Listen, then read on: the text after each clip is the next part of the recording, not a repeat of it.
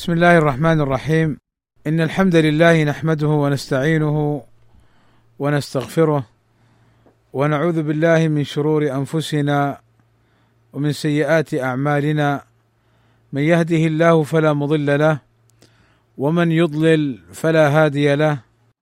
وأشهد أن لا إله إلا الله وحده لا شريك له وأشهد أن محمدا عبده ورسوله. ألا وإن أصدق الكلام كلام الله وخير الهدى هدى محمد وشر الأمور محدثاتها وكل محدثة بدعة وكل بدعة ضلالة وكل ضلالة في النار. أما بعد فأحمد الله عز وجل أن يسر لي لقاء مع إخواننا بدولة الجزائر بمدينة سطيف. أتدارس معهم بعض آيات الله عز وجل وأحاديث النبي صلى الله عليه وسلم وشيئا من الآثار السلفية. وقبل الدخول في هذه المدارسة فإني أقدم العزاء لإخواننا بدولة الجزائر على من كتب الله عليهم أن يموتوا في تلك الطائرة من العسكر ونحوهم فنسأل الله أن يرحمهم وأن يغفر لهم وأن يرزق أهاليهم الصبر والسلوان وأن يتقبلهم عنده سبحانه وتعالى وأن يغفر لنا ولهم الذنوب والزلات ومن مات وهو يحتسب الأجر عند الله عز وجل مدافعا عن دينه وإعلاء كلمة الله عز وجل فإن نرجو له الشهادة بإذن الله تعالى. فنسأل الله أن يغفر لهم وأن يرحمهم وأن يتقبلهم في الصالحين. اللهم آمين. إخواني أتذاكر معكم بعض الآيات والأحاديث والآثار التي قد يغفل عنها بعضنا بل أحيانا والكثير منا. فمن ذلك قوله تعالى والذين يؤذون المؤمنين والمؤمنات بغير ما اكتسبوا فقد احتملوا بهتانا وإثما مبينا. قال ابن كثير رحمه الله تعالى أي ينسبون إليهم ما هم منه براء منه لم يعملوه ولم يفعلوه فقد احتملوا بهتانا وإثما مبينا وهذا هو البهت البين أن يحكي أو ينقل عن المؤمنين والمؤمنات ما لم يفعلوه. على سبيل العيب والتنقص لهم. انتهى. وقال السعدي رحمه الله تعالى أي بغير جناية منهم موجبة للأذى فقد احتملوا على ظهورهم بهتانا حيث آذوهم بغير سبب وإثما مبينا حيث تعدوا عليهم وانتهكوا حرمة الله التي أمر الله عز وجل باحترامها. ولهذا كان سب آحاد المؤمنين موجبا للتعزير بحسب حالته وعلو مرتبته فتعزير من سب الصحابة أبلغ وتعزير من سب العلماء وأهل الدين أعظم من غيرهم. انتهى. أقول بارك الله فيكم هذه الآية أين هم الذين يفترون على العلماء والذين يفترون على طلبة العلم والذين يفترون على أهل الحق فضلا عن عامة المسلمين؟ يفترون عليهم بالكذب ويرمونهم بالأمور السيئة من باب تشويه الصورة وصرف الناس عنهم. وعندكم في الجزائر كم وكم أوذي المشايخ أصحاب السنة من أصحاب السوء والبدعة الذين يلمزون ويطعنون في المشايخ السلفيين من أمثال الشيخ محمد فركوس وأمثال الشيخ عبد المجيد جمعة وأمثال الشيخ الأزهر السنيقر وغيرهم من أخوانهم السلفيين. فإن هؤلاء نقول لهم كما قال الله عز وجل والذين يؤذون المؤمنين والمؤمنات بغير ما اكتسبوا فقد احتملوا بهتانا وإثما مبينا. لا تظن أنك حين تؤذي المؤمنين والمؤمنات فترميهم بالأمور السيئة وتقذفهم بالكلمات الفاحشة أنك تنجو عند الله عز وجل. بل أنت قد احتملت بهتانا وإثما مبينا. ولذلك الواجب على المسلم أن يحفظ لسانه وأن يحفظ كلامه فإن كل ما يتكلم به مسجل عليه كما قال الله عز وجل في كتابه ما يلفظ من قول إلا لديه رقيب عتيد فالواجب أن يحفظ لسانه وأن يعلم هؤلاء الذين يسعون لتشويه صورة أهل الحق أنهم مؤاخذون ومحاسبون عند الله عز وجل على ذلك. ولأهل الحق نقول كما قال ورقة ابن نوفل للنبي صلى الله عليه وسلم حين أخبره خبر جبريل وأنه جاءه في الغار فقال ورقة ليتني كنت جذعا شابا حين يخرجك قومك. فقال النبي صلى الله عليه وسلم أو مخرجيهم؟ هل سيخرجني قومي؟ فقال ورقه للنبي صلى الله عليه وسلم إنه لم يأت أحد بمثل ما جئت به من الحق إلا عودي. يعني إذا دعوت إلى التوحيد إذا دعوت إلى السنة إذا دعوت إلى الحق فإن أهل الباطل يعادونك ويؤذونك. فالصبر الصبر في زمن الغربة فإن النبي صلى الله عليه وسلم أخبر بأن الصابر له أجر كبير. ومن ذلك قوله عز وجل يا أيها الذين آمنوا من يرتد منكم عن دينه فسوف يأتي الله بقوم يحبهم ويحبونه. أذلة على المؤمنين أعزة على الكافرين يجاهدون في سبيل الله ولا يخافون لومة لائم. ذلك فضل الله يؤتيه من يشاء. والله واسع عليم.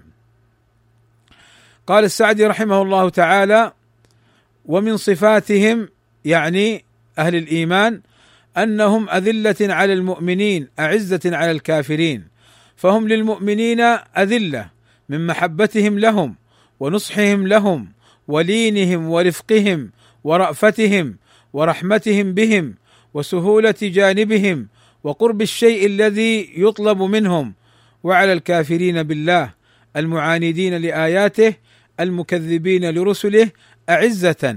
قد اجتمعت هممهم وعزائمهم على معاداتهم وبذلوا جهدهم في كل سبب يحصل به الانتصار عليهم. قال تعالى أشداء على الكفار رحماء بينهم فالغلظة والشدة على أعداء الله مما يقرب العبد إلى الله. ويوافق العبد ربه في سخطه عليهم. ولا تمنع الغلظة عليهم والشدة دعوتهم إلى الدين الإسلامي بالتي هي أحسن. فتجتمع الغلظة عليهم واللين في دعوتهم وكلا الأمرين من مصلحتهم ونفعه عائد إليهم انتهى. فتأملوا بارك الله فيكم إخواني قول الله عز وجل أذلة على المؤمنين. أعزة على الكافرين. كيف أن المؤمن يكون مع أخيه المؤمن في حب وفي صدق وفي رحمة وفي رأفة وفي لين جانب؟ وكيف حال أهل الأهواء الذين يعادون أهل الحق ويجافونهم ويغلظون القول عليهم ويحاربونهم؟ فإن هذا بلا شك يخالف هذه الآية.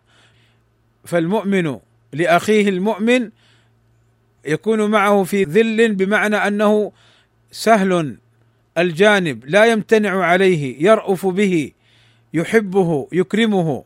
ولذلك هذه الغلظة والشدة في التعامل مع أهل الحق تنافي هذه الآية. ولذلك قال الله عز وجل إنما المؤمنون إخوة فأصلحوا بين أخويكم واتقوا الله لعلكم ترحمون. قال السعدي رحمه الله تعالى هذا عقد عقده الله بين المؤمنين. أنه إذا وجد من أي شخص كان في مشرق الأرض ومغربها الإيمان بالله وملائكته وكتبه ورسله واليوم الآخر فإنه أخ للمؤمنين. أخوة توجب أن يحب له المؤمنون ما يحبون لأنفسهم ويكرهون له ما يكرهون لأنفسهم. ولهذا قال النبي صلى الله عليه وسلم آمرا بحقوق الأخوة الإيمانية لا تحاسدوا ولا تناجشوا ولا تباغضوا ولا يبع أحدكم على بيع بعض وكونوا عباد الله إخوانا المؤمن أخو المؤمن لا يظلمه ولا يخذله ولا يحقره وقال صلى الله عليه وسلم المؤمن للمؤمن كالبنيان يشد بعضه بعضا وشبك بين أصابعه.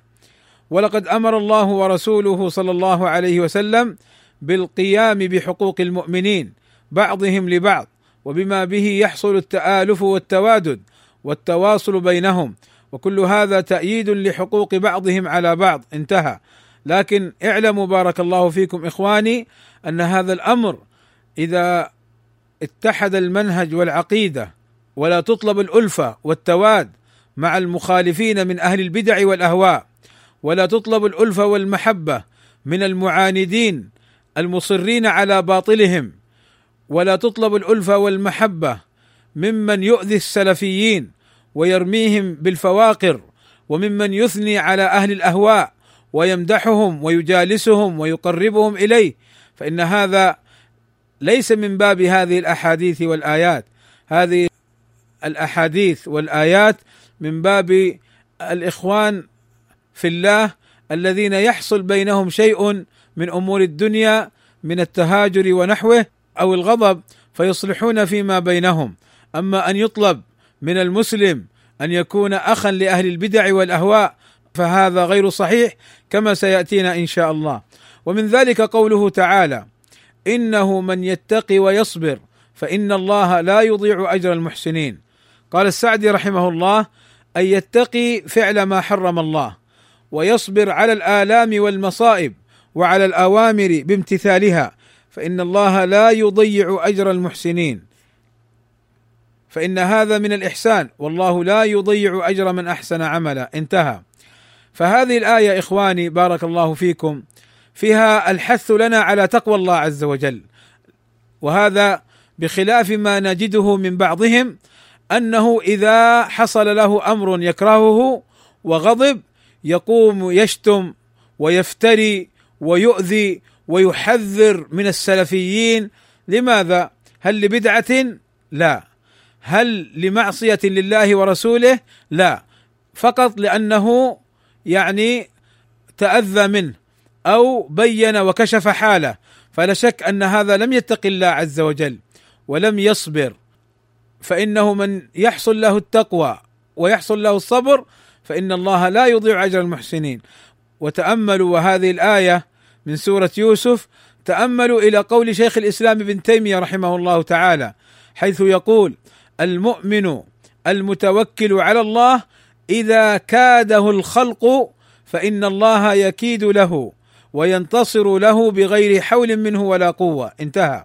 وقال ابن قيم الجوزية رحمه الله تعالى في قصة يوسف عليه السلام تنبيه على أن من كاد غيره كيدا محرما فإن الله سبحانه وتعالى لا بد أن يكيده وأنه لا بد أن يكيد للمظلوم إذا صبر على كيد كائده وتلطف به فالمؤمن المتوكل على الله إذا كاده الخلق فإن الله تعالى يكيد له وينتصر له بغير حول منه ولا قوة. انتهى. فهذا بارك الله فيكم. يبين لنا أن الواحد منا إذا آذاه هؤلاء المخالفون لا يشتغل بالكيد لهم بل يتقي الله ويصبر ويتركهم ويعلم أن الله سينصره. فكم سعى أهل الباطل في إسقاط أهل الحق وذمهم وتشويه صورتهم حتى نصرهم الله عز وجل ورفعهم فصار أهل الحق هم المرجع وهم الذين يحترمون وهم الذين يستفاد منهم وصار أولئك من الأراذل الذين رغب الناس عنهم ولم يرجعوا إليهم وعلموا سوء باطنهم وسريرتهم من سوء أفعالهم الظاهرة. ولذلك الصبر الصبر وتقوى الله عز وجل في مثل هذه المواطن. ولذلك السلفي إذا أوذي لا يكذب ولا يفتري على غيره ولا يحمل كلامه ما لا يحتمل ولا يذهب لإنسان تاب من أمر سابق وتراجع عنه ثم يعيد ويشنع عليه. هذه أفعال لا تليق بالسلفيين. هذه أفعال أهل السفه وأهل الباطل والسفلة الذين لا يرعون إلا ولا ذمة في أهل الحق. نسأل الله السلامة والعافية فضلا أن يكذبوا وأن يفتروا على أهل العلم وعلى طلبة العلم وعلى إخوانهم السلفيين. كم والله يشتكي بعض طلبة العلم يقول لما بينا الحق ورددنا الباطل وحرصنا على إفادة الناس قام بعض إخواننا بهجرنا وبسبنا وبالتحذير منا سبحان الله نقول لهؤلاء المظلومين إنه من يتقي ويصبر فإن الله لا يضيع أجر المحسنين. واعلموا أن الله ناصركم. ونقول لأولئك الظالمين ما مر معنا من الآية في قول الله عز وجل والذين يؤذون المؤمنين والمؤمنات بغير ما اكتسبوا فقد احتملوا بهتانا وإثما مبينا فأنت يا عبد الله اصبر. واستمر على الحق ولا تتزعزع. اثبت على الحق ولا تتزعزع. ولا تكن همك الدنيا ولا يكن همك كلام الناس. فما دمت في رضا الله عز وجل فإن الله سيرضى عنك ويرضي عنك الناس. وإذا كنت في غضب الله وأرضيت الناس فإن الله سيغضب عليك ويغضب عليك الناس. ومن الآيات أيضا قول الله عز وجل من اهتدى فإنما يهتدي لنفسه ومن ضل فإنما يضل عليها ولا تزر وازرة وزر أخرى وما كنا معذبين حتى نبعث رسولا. قال السعدي رحمه الله تعالى أي هداية كل أحد وضلاله لنفسه لا يحمل أحد ذنب أحد ولا يدفع عنه مثقال ذرة من الشر. والله تعالى أعدل العادلين. لا يعذب أحدا حتى تقوم عليه الحجة بالرسالة ثم يعاند الحجة وأما من انقاد للحجة أو لم تبلغه حجة الله تعالى فإن الله تعالى لا يعذبه واستدل بهذه الآية على أن أهل الفترات وأطفال المشركين لا يعذبهم الله حتى يبعث إليهم رسولا لأنه سبحانه وتعالى منزه عن الظلم انتهى. وهذه الآية إخواني فيها عظة وعبرة لنا. عظة وعبرة بأن الإنسان إنما يعمل بالهدى لينجو وتهتدي نفسه للحق ويحذر من الضلال ولا يعمله حتى لا يكن من أهله وهذه الآية أيضا فيها تحذير لأولئك الذين ينصرون أهل الباطل على أهل الحق بأن أولئك لن ينفعوك ولن يحملوا عنك وزرك يوم القيامة فأنت الذي تحمل وزرك. ولذلك للأسف نجد بعض الناس قد ينصر أهل الباطل وهو يعلم أنهم على باطل ويخذل أهل الحق وهو يعلم أنهم أهل الحق وأعلى الحق. فهؤلاء نقول لهم اتقوا الله في أنفسكم فإن الله يقول من اهتدى فإنما يهتدي لنفسه. الله غني عنك ولكن إن اهتديت بلزوم الحق ونصر الحق والبعد عن الباطل وعدم نصر أهل الباطل ونصرة أهل الباطل فذلك لنفسك تنجو بها بعد رحمة الله يوم القيامة. وإن ضللت بنصرة أهل الباطل وبخذلان ومخالفة ومعاندة أهل الحق فإنما تضل على نفسك ولا يحمل أحد وزرك إنما تحمله أنت بنفسك. فالنجاة النجاة والله لا ينفعك فلان ولا فلان. إنما أنت تسأل عن علمك فيما علمت وفيما عملت. أما أن تقول أنا والله سرت مع فلان وأنت تعلم أن الحق بخلافه فإنك لن تنجو بل ستؤاخذ على ذلك. ومن الأدلة أيضا التي نريد أن نقف معها قول الله عز وجل ولا تقف ما ليس لك به علم إن السمع والبصر والفؤاد كل أولئك كان عنه مسؤولا قال السعدي رحمه الله تعالى ولا تتبع ما ليس لك به علم بل تثبت في كل ما تقوله وتفعله فلا تظن ذلك يذهب لا لك ولا عليك يعني إذا تكلمت بكلام أو فعلت امرا وأنت لا علم لك به فلا تظن أن ذلك لا تؤاخذ به لماذا؟ قال لأن الله يقول إن السمع والبصر والفؤاد كل أولئك كان عنه مسؤولا. فحقيق بالعبد الذي يعرف أنه مسؤول عما قاله وفعله وعما استعمل به جوارحه التي خلقها الله تعالى لعبادته أن يعد للسؤال جوابا. وذلك لا يكون إلا باستعمالها بعبودية الله وإخلاص الدين له وكفها عما يكرهه الله تعالى. انتهى. فبارك الله فيكم إخواني تأملوا هذه الآية.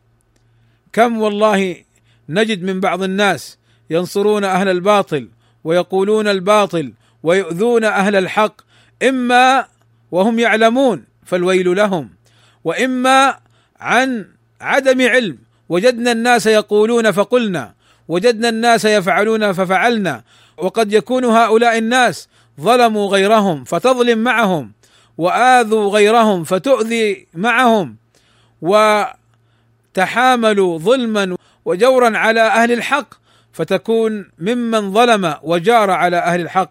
فيا عبد الله لا تقف ما ليس لك به علم.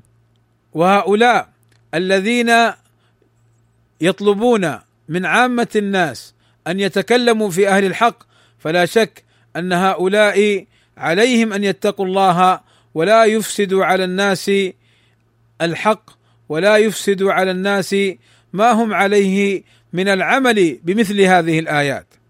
ومن الأحاديث الواردة عن النبي صلى الله عليه وسلم ما رواه أبو هريرة أن رسول الله صلى الله عليه وسلم قال ما زاد الله عبدا بعفو إلا عزا وما تواضع أحد لله إلا رفعه الله عز وجل رواه مسلم. قال الشيخ العثيمين رحمه الله تعالى إذا جنى عليك أحد وظلمك في مالك أو في بدنك أو في أهلك أو في حق من حقوقك فإن النفس شحيحة تأبى إلا أن تنتقم منه وأن تأخذ بحقك وهذا لك. قال تعالى فمن اعتدى عليكم فاعتدوا عليه بمثل ما اعتدى عليكم. وقال تعالى وإن عاقبتم فعاقبوا بمثل ما عوقبتم به. ولا يلام الإنسان على ذلك. لكن إذا هم بالعفو وحدث نفسه بالعفو قالت له نفسه الأمارة بالسوء إن هذا ذل وضعف كيف تعفو عن شخص جنى عليك أو اعتدى عليك؟ فيقول الرسول صلى الله عليه وسلم وما زاد الله عبدا بعفو إلا عزا والعز ضد الذل والذي تحدثك به نفسك أنك إذا عفوت فقد ذللت أمام من اعتدى عليك. فهذا من خداع النفس الأمارة بالسوء ونهيها عن الخير. فإن الله تعالى يثيبك على عفوك هذا فالله لا يزيدك إلا عزا ورفعة في الدنيا والآخرة. ثم قال صلى الله عليه وسلم وما تواضع أحد لله إلا رفعه. وهذه الرفعة تكون بسبب التواضع والتضامن والتهاون ولكن الإنسان يظن أنه إذا تواضع نزل ولكن الأمر بالعكس إذا تواضعت لله فإن الله تعالى يرفعك. وقوله تواضع لله له معنيان. المعنى الأول أن تتواضع لله بالعبادة وتخضع لله وتنقاد لأمر الله. والمعنى الثاني أن تتواضع لعباد الله وكلاهما سبب للرفعة. وسواء تواضعت لله بامتثال أمره واجتناب نهيه وذللت له وعبدته أو تواضعت لعباد الله من أجل الله لا خوفا منهم ولا مداراة لهم ولا طلبا لمال أو غيره إنما تتواضع من أجل الله عز وجل فإن الله تعالى يرفعك في الدنيا أو في الآخرة انتهى. أقول إخواني بارك الله فيكم هذا الحديث تأملوه جيدا فإن كثيرا من الناس ينتقم من الغير ويؤذي الغير حتى إذا حصل الأذى من الغير بدون قصد. يعني عجيب حال بعض الناس حينما يؤذي الآخرين لأمر غير مقصود مثل ما يحدثني بعض إخواننا من طلاب العلم. يقول كنت أتكلم مع بعض إخواننا من طلبة العلم للأسف من المعظمين لنفسه. فيقول لم أذكر كلمة شيخ وإنما ناديته باسمه فقلت يا فلان قال فنظر إلي نظرة غضب يعني كيف تقول لي باسمي كذا وما تقول يا شيخ الفلان؟ عجيب سبحان الله هذا الصحابة يقولون أبو بكر ويقولون عمر والسلفيون يقولون مالك وأحمد ويقولون كذا وكذا. من أنت حتى تغضب لنفسك هذا الغضب؟ ثم يذكر لي هذا الأخ يقول والله حاربني حربا شديده وآذاني أذى شديدا. أين هذا الشيخ أو هذا طالب العلم الذي المنهج السلفي يدعو إلى العمل بهذه الأحاديث. أين هذا عن قول الرسول صلى الله عليه وسلم؟ وما تواضع أحد لله إلا رفعه. أين هذا عن قوله صلى الله عليه وسلم؟ وما زاد الله عبدا بعفو إلا عزة. فإننا نجد من بعض الناس للأسف الترفع والأذية والاحتقار لغيرهم. كما قال النبي صلى الله عليه وسلم بحسب امرئ من الشر أن يحقر أخاه المسلم. إذا احتقرت أخاك المسلم فهذا شر شر يكفيك أن تلقى الله يوم القيامة فتخاف على نفسك من الهلاك. فقط أن تحتقر أخاك المسلم. فكيف إذا جمعت إلى ذلك ظلمة وأذيته والافتراء عليه والتكبر والترفع عليه وسوء التعامل معه؟ فالله الله في إخوانكم والله الله في امتثال السنة. ومن الأحاديث التي يعني تخفى على بعض الناس ما رواه أبو مسعود البدري رضي الله عنه عن النبي صلى الله عليه وسلم أنه قال: إن مما أدرك الناس من كلام النبوة الأولى إذا لم تستحي فاصنع ما شئت رواه البخاري. هذا الحديث كما يقول ابن رجب له معنيان. المعنى الأول المشهور عندنا أن معنى قوله صلى الله عليه وسلم إذا لم تستحي فاصنع ما شئت. أنه إذا لم تستحي من فعل الأمر وكان هذا الأمر لا يستحى من معرفته فاعمله. إذ أنه أمر بفعل ما يشاء على ظاهر لفظه. والمعنى إذا كان الذي تريد فعله مما لا يستحى من فعله لا من الله ولا من الناس لكونه من أفعال الطاعات أو من جميل الأخلاق والآداب المستحسنة فاصنع منه حينئذ ما شئت. وهذا كقول النبي صلى الله عليه وسلم في الإثم الإثم ما حاك في صدرك وكرهت أن يطلع عليه الناس. فإذا لم تكره أن يطلع عليه الناس فاعمل العمل لأنه سيكون بإذن الله تعالى من أعمال البر. هذا هو المعنى المشهور. وهناك معنى آخر وهو أن قوله عليه الصلاة والسلام إذا لم تستحي فاصنع ما شئت. أنه أمر بمعنى التهديد والوعيد. والمعنى إذا لم يكن لك حياء فاعمل ما شئت فالله يجازيك عليه. كقوله تعالى اعملوا ما شئتم إنه بما تعملون بصير. فإذا هذا المعنى الثاني لهذا الحديث أن معناه إذا كنت لا تخشى الله ولا تخاف الله فاصنع ما شئت. لكن اعلم أن هناك جزاء وحساب وعقاب وسؤال على هذا العمل. فإنك وإن لم تخشى الله في الدنيا ففعلت ما شئت من الذنوب والمعاصي إلا أنك ستلاقي الله عز وجل بعملك وسيجازيك الله عز وجل على عملك. هذا الحديث العظيم على المعنيين يغفل عنه كثير من الناس. فكم من الناس يؤذي إخوانه ويجاهر بأذيتهم في الفيسبوك في التويتر وفي الواتساب فيؤذيهم ويجاهر ولا يخاف الله عز وجل وكأنه لا حساب ولا عقاب. فهذا يقال له من باب التهديد والوعيد. إذا لم تتق الله ولم تستحي من الله عز وجل فاصنع ما شئت ولكن اعلم أن الله سيجازيك. وأيضا على المعنى الآخر أن العمل إذا كان صالحا وكنت صاحب سنة فلا تستحي فافعل الحق مريدا بذلك وجه الله عز وجل. ومن الأحاديث في ذلك ما رواه أبو هريرة عن النبي صلى الله عليه وسلم أنه قال لا ينبغي لذي الوجهين أن يكون أمينا. أخرجه البخاري في الأدب المفرد. قال صلى الله عليه وسلم لا ينبغي لذي الوجهين أن يكون أمينا. وقال عكرمة رحمه الله تعالى لقمن ذو الوجهين أن لا يكون عند الله أمينا.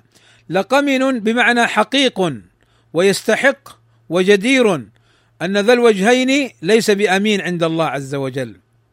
وروى أبو هريرة عن النبي صلى الله عليه وسلم أنه قال من شر الناس ذو الوجهين. الذي يأتي هؤلاء بوجه وهؤلاء بوجه. قال الشيخ العثيمين رحمه الله تعالى ذو الوجهين هو الذي يأتي هؤلاء بوجه وهؤلاء بوجه كما يفعل المنافقون. وإذا لقوا الذين آمنوا قالوا آمنا وإذا خلوا إلى شياطينهم قالوا إنا معكم إنما نحن مستهزئون. وهذا يوجد في كثير من الناس والعياذ بالله. وهو شعبة من النفاق. تجده يأتي إليك يتملق ويثني عليك وربما يغلو في ذلك الثناء. ولكنه إذا كان من ورائك عقرك وذمك وشتمك وذكر فيك ما ليس فيك فهذا والعياذ بالله. كما قال النبي صلى الله عليه وسلم تجدون شر الناس ذا الوجهين يأتي هؤلاء بوجه وهؤلاء بوجه وهذا من كبائر الذنوب لأن النبي صلى الله عليه وسلم وصف فاعله بأنه شر الناس والواجب على الإنسان أن يكون صريحا لا يقول إلا ما في قلبه فإن كان خيرا حمد عليه وإن كان سوى ذلك وجه إلى الخير. أما كونه يأتي هؤلاء بوجه وهؤلاء بوجه سواء كان فيما يتعلق بعبادته يظهر أنه عابد مؤمن تقي وهو بالعكس أو فيما يتعلق بمعاملته مع الشخص يظهر أنه ناصح له ويثني عليه ويمدحه ثم إذا غاب عنه عقره فهذا لا يجوز. فتأملوا بارك الله فيكم هذا الحديث. وكيف أن النبي صلى الله عليه وسلم قال أن ذا الوجهين ليس بأمين لا ينبغي لذي الوجهين أن يكون أمينا. وتأملوا هذا الحديث مع الحديث الآخر وهو قول النبي صلى الله عليه وسلم تأتي على الناس سنوات خداعات يؤتمن فيها الخائن ويخون فيها الأمين. فذو الوجهين خائن غاش للناس. فذو الوجهين خائن غاش للناس. يأتي أمام الناس وأمامك يضحك ويتعامل معك وهو يجمع عليك الأخطاء وهو يقدح فيك ويطعن فيك في الخفاء. والله فلان يعني فيه كذا وكذا. وفلان فيه كذا وكذا. فإذا قابله تبسم وسأل عن أخباره وكأنه لم يقل فيه حرفا سيئا. فلا حول ولا قوة إلا بالله. هؤلاء ليسوا بأمناء. هؤلاء لا يصلحون للدعوة بل يفسدونها. فيفسدون الناس ويكثرون الفرقه بين السلفيين. والله إن ما نراه من فرقة في بعض السلفيين إن من أسبابها هؤلاء الذين هم بوجهين أمام الناس بوجه وفي الخفاء بوجه فلا حول ولا قوة إلا بالله ومن العجب ومن الأسف أن يصدر هذا من المتصدرين لدعوة الناس فبالله عليكم هل هؤلاء يليق بهم هذا الفعل؟ هل هذا الفعل يليق بمؤمن؟ والنبي صلى الله عليه وسلم يقول كما في الحديث تجدون شر الناس ذا الوجهين الذي يأتي هؤلاء بوجه وهؤلاء بوجه ويقول عليه الصلاة والسلام لا ينبغي لذي الوجهين أن يكون أمينا فإذا كان غير أمين فهذا لا يصلح لدعوة الناس. لماذا؟ لأنه يحدث الفرقة والاختلاف ولأنه يعلمهم هذا المنهج الفاسد وهذه الطريقة الفاسدة. ولذلك نرى للأسف من بعض عوام السلفيين الذين يخالطون هؤلاء أصحاب ذي الوجهين نرى عندهم نفس المسلك ونفس الطريق سبحان الله يثني عليه في وجهه وبحضوره فإذا غاب عنه قدح فيه وتكلم فيه. أين الصدق؟ أين النصيحة؟ أين الأخوة؟ معاني يفتقرون إليها. ومعاني يفسدونها بسوء أخلاقهم. واعجب أن هؤلاء ذو الوجوه. اليوم نقول ذو الوجهين. الرسول صلى الله عليه وسلم يقول ذا الوجهين. وبعض الناس يعني يدخلون في هذا الحديث دخولا اوليا. والعجب أنهم ينادون بالأخلاق. وينادون بالسمو في الأخلاق.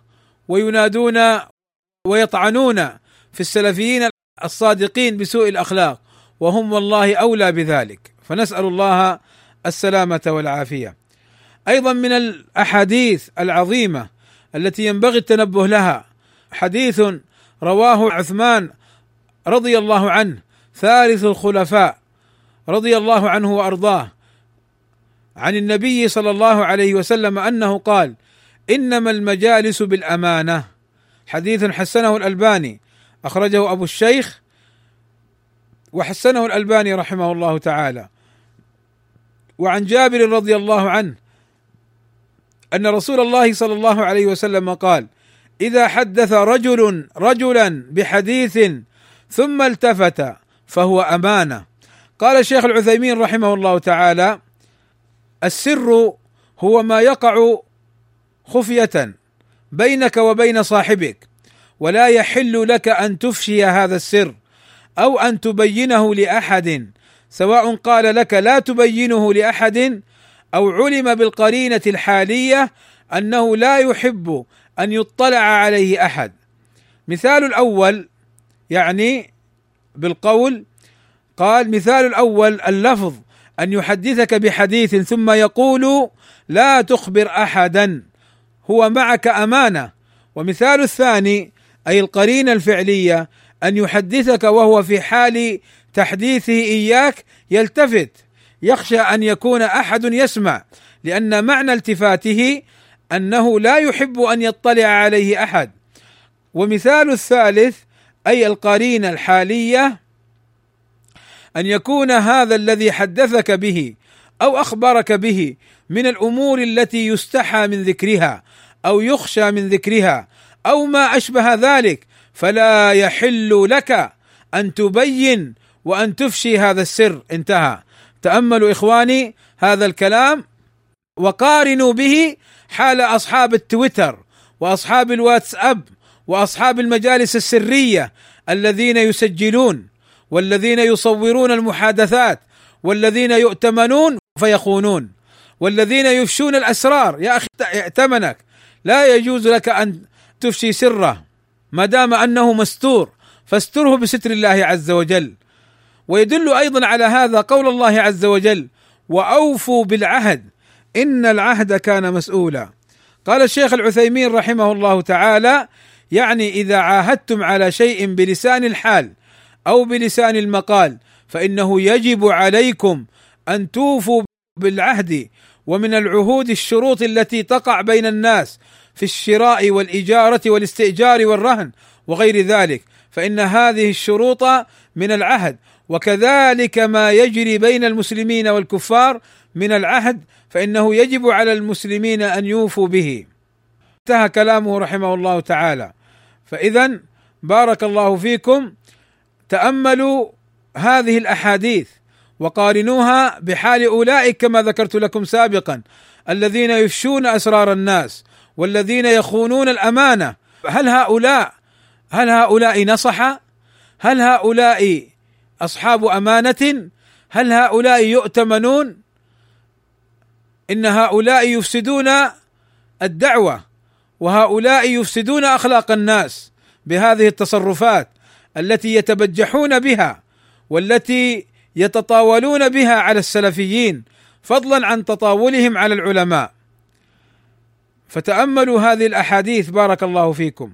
ومن الأحاديث أيضا ما رواه أنس رضي الله عنه عن النبي صلى الله عليه وسلم حين قال لا تقاطعوا ولا تدابروا ولا تباغضوا ولا تحاسدوا وكونوا عباد الله إخوانا ولا يحل لمسلم أن يهجر أخاه فوق ثلاث رواه مالك والبخاري. وروى أبو أيوب عن النبي صلى الله عليه وسلم أنه قال لا يحل لمسلم أن يهجر أخاه فوق ثلاث ليال يلتقيان فيعرض هذا ويعرض هذا وخيرهما الذي يبدأ بالسلام رواه البخاري ومسلم. وفي حديث أبي هريرة في رواية عند أبي داود قال النبي صلى الله عليه وسلم لا يحل لمؤمن أن يهجر مؤمنا فوق ثلاث فإن مرت به ثلاث فليلقه فليسلم عليه فإن رد عليه السلام فقد اشترك في الأجر وإن لم يرد عليه فقد باء بالإثم أي الذي لم يرد وخرج المسلم من الهجر. يعني بعض الناس يقول أنا ما راح أسلم عليه لأنه ما يرد علي خليه ما يرد. إن ما رد فهو آثم وأنت خرجت من الإثم من إثم الهجر. فإن رد اشتركتما في الأجر. فاحرص بارك الله فيك على السلام على إخوانك. أيضا من الأحاديث العظيمة في هذا الباب في باب الهجر ما رواه فضال بن عبيد رضي الله عنه أن الرسول صلى الله عليه وسلم قال: من هجر أخاه فوق ثلاث فهو في النار إلا أن يتداركه الله برحمته رواه الطبراني وروى أبو داود عن النبي صلى الله عليه وسلم أنه قال: من هجر أخاه سنة فهو كسفك دمه أي في الإثم. فتأملوا إخواني هذه الأحاديث والتي محملها كما قال ابن رجب في جامع العلوم والحكم. محمل هذه الأحاديث قال وكل هذا في التقاطع للأمور الدنيوية فأما لأجل الدين فتجوز الزيادة على الثلاث. نص عليه الإمام أحمد. فهذه الأحاديث في الهجر بين الإخوة في أمور الدنيا. أما إذا كانت للدين فيمكن أن تهجره الدهر كله. إذا كان مخالفا مبتدعا أو كان مصرا على باطله. فلا تدخل هذه الأحاديث في المخالفين وإنما في إخوانك. إخواني تأملوا هذه الأحاديث التي فيها الدعوة إلى السلام وإلى المحبة مع قول النبي صلى الله عليه وسلم حينما سئل أي الإسلام خير؟ قال تطعم الطعام وتقرأ السلام يعني تسلم وتقرأ السلام على من عرفت ومن لم تعرف أخرجه البخاري ومسلم. وأيضا أخرج مسلم عن أبي هريرة عن النبي صلى الله عليه وسلم أنه قال: لا تدخلوا الجنة حتى تؤمنوا ولا تؤمنوا حتى تحابوا. ألا أدلكم على شيء إذا فعلتموه تحاببتم أفشوا السلام بينكم رواه مسلم. وقال صلى الله عليه وسلم أفشوا السلام تسلموا. وقال صلى الله عليه وسلم يا أيها الناس أفشوا السلام وأطعموا الطعام وصلوا بالليل والناس نيام تدخلوا الجنة بسلام. في غير ذلك من الأحاديث التي فيها الحث على إفشاء السلام وعلى عدم الهجر بين الإخوان وان لا يزيد على ثلاث إن أراد أن يهجر أخاه فلا يزيد عن ثلاث. بل جعل صلى الله عليه وسلم كما في حديث أبي هريرة عن النبي صلى الله عليه وسلم حق المسلم على المسلم خمس رد السلام وعيادة المريض واتباع الجنائز وإجابة الدعوة وتشميط العاطس. رواه البخاري ومسلم. وانظروا إلى قول النبي صلى الله عليه وسلم فيما رواه الطبراني وصححه الألباني عن سهل بن حنيف قال قال رسول الله صلى الله عليه وسلم من قال السلام عليكم كتبت له عشر حسنات ومن قال السلام عليكم ورحمة الله كتبت له عشرون حسنة ومن قال السلام عليكم ورحمة الله كتبت له ثلاثون حسنة. فهذا الحديث العظيم وهذه الأحاديث العظيمة لعل قائلا منكم يقول ما بك أيها المتكلم لماذا تكثر هذه الأحاديث؟ ونحن نعلمها ونعرفها ومعلومة لدينا. أقول يا إخواني للأسف للأسف هناك من يهجر أخاه فوق ثلاث وهناك من يأمر إخوانه أن لا يسلموا على فلان وفلان فإذا سلم على فلان هجروه بل إذا سلم على من سلم على فلان هجروه وكلهم سلفيون. ما هذا؟ ما هذه الأعمال الفاشلة؟ ما هذه الأفعال الدنيئة؟ ما هذه التصرفات التي لا تليق بالسلف؟ هي للخبث. والدناءة والانحراف أقرب منها للحق. ما هذا الانحراف؟ والله هذا يوجد ولا أقوله في الأحلام بل هذا واقع مرير نعيشه مع هذه الأحاديث الصحيحة التي فيها تحريم الهجر فوق ثلاث. إلا إن كانوا أولئك يرون أن الذين يجب هجرهم منحرفين وضالين. فهذا تبديع منهم للسلفيين فهم أولى بالبدعة من هؤلاء السلفيين فإن من بدع أهل السنة وضللهم فهو الضال المنحرف. من بدعهم بغير حق أما من بدعهم بحق وأقام الحجة على ذلك فإنه يقبل قوله. إذا أقام الحجة على ذلك فبين أنهم مثلا يفرقون السلفيين وبين أنهم مثلا يقاعدون القواعد الباطلة لحماية أنفسهم وضلالهم. وبين أيضا أصحاب اجتماعات سرية. وبين أيضا أنهم يكذبون وأنهم يمدحون بعضا من المخالفين. وأنهم وأنهم وأنهم. هذه حجج. وهذه دلالات على انحراف هؤلاء. فهنا لا يقال له أنت مبتدع. لا هنا أقام الحجج.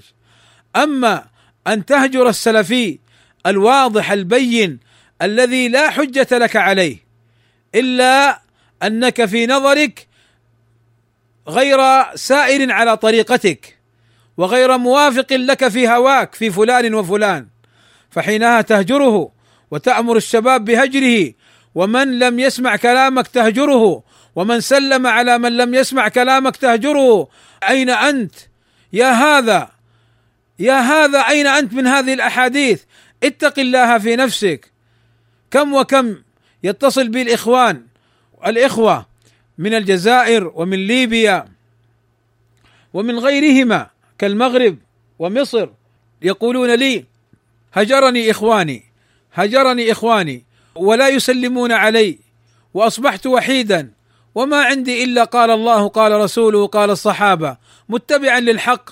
قلت له يا أخي اصبر. فهذه هي الغربة.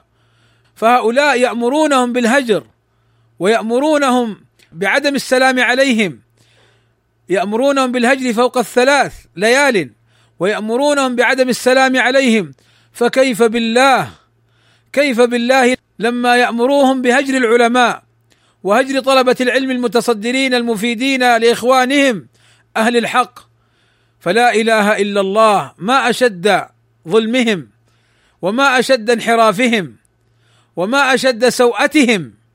فنسأل الله أن يهديهم أو أن يكف السلفيين والسلفية شرهم وضلالهم وانحرافهم. فإن هذه الأفعال لا تصدر من أهل الحق لا تصدر من أهل الحق. أعوذ بالله أخوك المسلم تهجره وتسبه وتنتقصه وتفتري عليه وتكذب عليه وتهجره فوق ثلاث وتهجر من يسلم عليه وتهجر من يسلم على من يسلم عليه. ما هذه السلسلة العفنة من الهجر غير الشرعي؟ ما هذه السلسلة الظالمة الجائرة؟ فاتقوا الله في أنفسكم. وأنتم أيها السلفيون لا تنخدعوا بأقوال أولئك وتأملوا في هذه الأحاديث. وأختم هذا اللقاء وهذه الكلمة بأثر عن عمر بن الخطاب رضي الله عنه يناسب ما نحن فيه وأثر أيضا عن ابن عباس يناسب ما نحن فيه. أما الأثر عن عمر رضي الله عنه فهو قوله إن الرجوع إلى الحق خير من التمادي في الباطل. هذا القول عن عمر ثابت رضي الله عنه. يعني أنت يا عبد الله إن عرفت أنك على باطل فلا تقول والله ما في خط رجعة لا ارجع إلى الحق. ولا عيب إن كنت سلكت الباطل وأنت مخطئ فلا عيب عليك. إنما العيب أن تصر على الباطل بعد معرفه أنه باطل. العيب أن تستمر مع حزبك. ومع المنحرفين بعد أن تعلم أنهم منحرفون. العيب أن تطعن في أهل السنة ثم تعلم أنهم أهل سنة وأهل حق ثم تستمر في الطعن فيهم. فعمر رضي الله عنه يعلمنا أن الرجوع إلى الحق خير من التمادي في الباطل وقوله خير ليس معناها التفاضل أنه أخير لا معناه خير مطلقا كقول الصلاة خير من النوم أي خير مطلقا. فهذا الأثر نحتاجه. كم وكم ممن علم الحق وأنه كان على باطل وأصر. فإن هذا نسأل الله السلامة والعافية يستمر في انحرافه وضلاله. ولكن من عرف أنه على خطأ ثم رجع إلى الحق فهذا يرجى له بإذن الله تعالى. ثم الأثر الثاني عن ابن عباس رضي الله عنهما أنه قال يوشك أن تنزل عليكم حجارة من السماء أقول لكم قال الله قال رسوله تقولون قال أبو بكر وقال عمر. هذا الأثر عظيم خاصة في هذه الأيام لأن بعض الناس تأتيه بالأدلة من الكتاب والسنة وتبين له الحق مثل ما مر معنا من أحاديث عدم الهجر ومن أحاديث السلام. تبين له ولا يزال مصرا على هجر إخوانه ويأمر الشباب بهجر فلان وفلان بغير حجة. طيب ما ما الأمر؟ والله قال لي فلان الشيخ العلامة فلان صاحب الفتن الذي له مجالس سريه وفي الخفاء اسد وفي العلن هر يحكي انتفاخا صولة الأسد. لو كنت صادقا الكلام الذي تقوله في الخفاء وتقوله لمن يأتيك في الخفاء أعلنه. ولكن صاحب الباطل صاحب الباطل دائما في خفاء. وصاحب الحق لا يستخفي إلا إن خاف على نفسه. والحمد لله نحن لسنا في زمن بحاجة إلى أن نستخفي من الحق لأن الحق ظاهر بفضل الله عز وجل لأن الحق ظاهر. فلماذا لا تصدع بالحق إن كنت صادقا؟ ولذلك انظروا إلى قول النبي صلى الله عليه وسلم والإثم ما حاك في صدرك وكرهت أن يطلع عليه الناس. لماذا؟ والله بعض الشباب الذين حضروا بعض تلك المجالس. يقول جلسنا وتكلم في فلان وفلان ثم أمرنا أن لا نخبر أحدا. طيب كيف إذا كنت أنت عندك أمور على فلان وفلان بينها في العلن ليش الاستخفاء لماذا تختفي؟ فابن عباس يقول لنا يوشك أن تنزل عليكم حجارة من السماء. أقول لكم قال الله قال رسوله تقولون قال فلان وفلان أبو بكر وعمر. أليس أبو بكر وعمر من الأكابر؟ بل هما المقدمان من أصحاب النبي صلى الله عليه وسلم ثم عثمان ثم علي ثم بقية العشرة. فلماذا قال ابن عباس هذا الكلام؟ قال ابن عباس رضي الله عنهما ورضي عن جميع أصحاب رسول الله صلى الله عليه وسلم هذا الكلام لأن الحق مقدم على قول أي أحد. إخواني هذه جملة من الآيات وجملة من الأحاديث وجملة من الآثار التي أحببت أن أذكر نفسي وإياكم بها وأسأل الله عز وجل أن ينفعنا جميعا بما سمعنا وأن يكون حجة لنا لا حجة علينا وصلى الله وسلم على نبينا محمد صلى الله عليه وسلم وعلى آله وصحبه وسلم أجمعين. والحمد لله رب العالمين والسلام عليكم ورحمة الله وبركاته.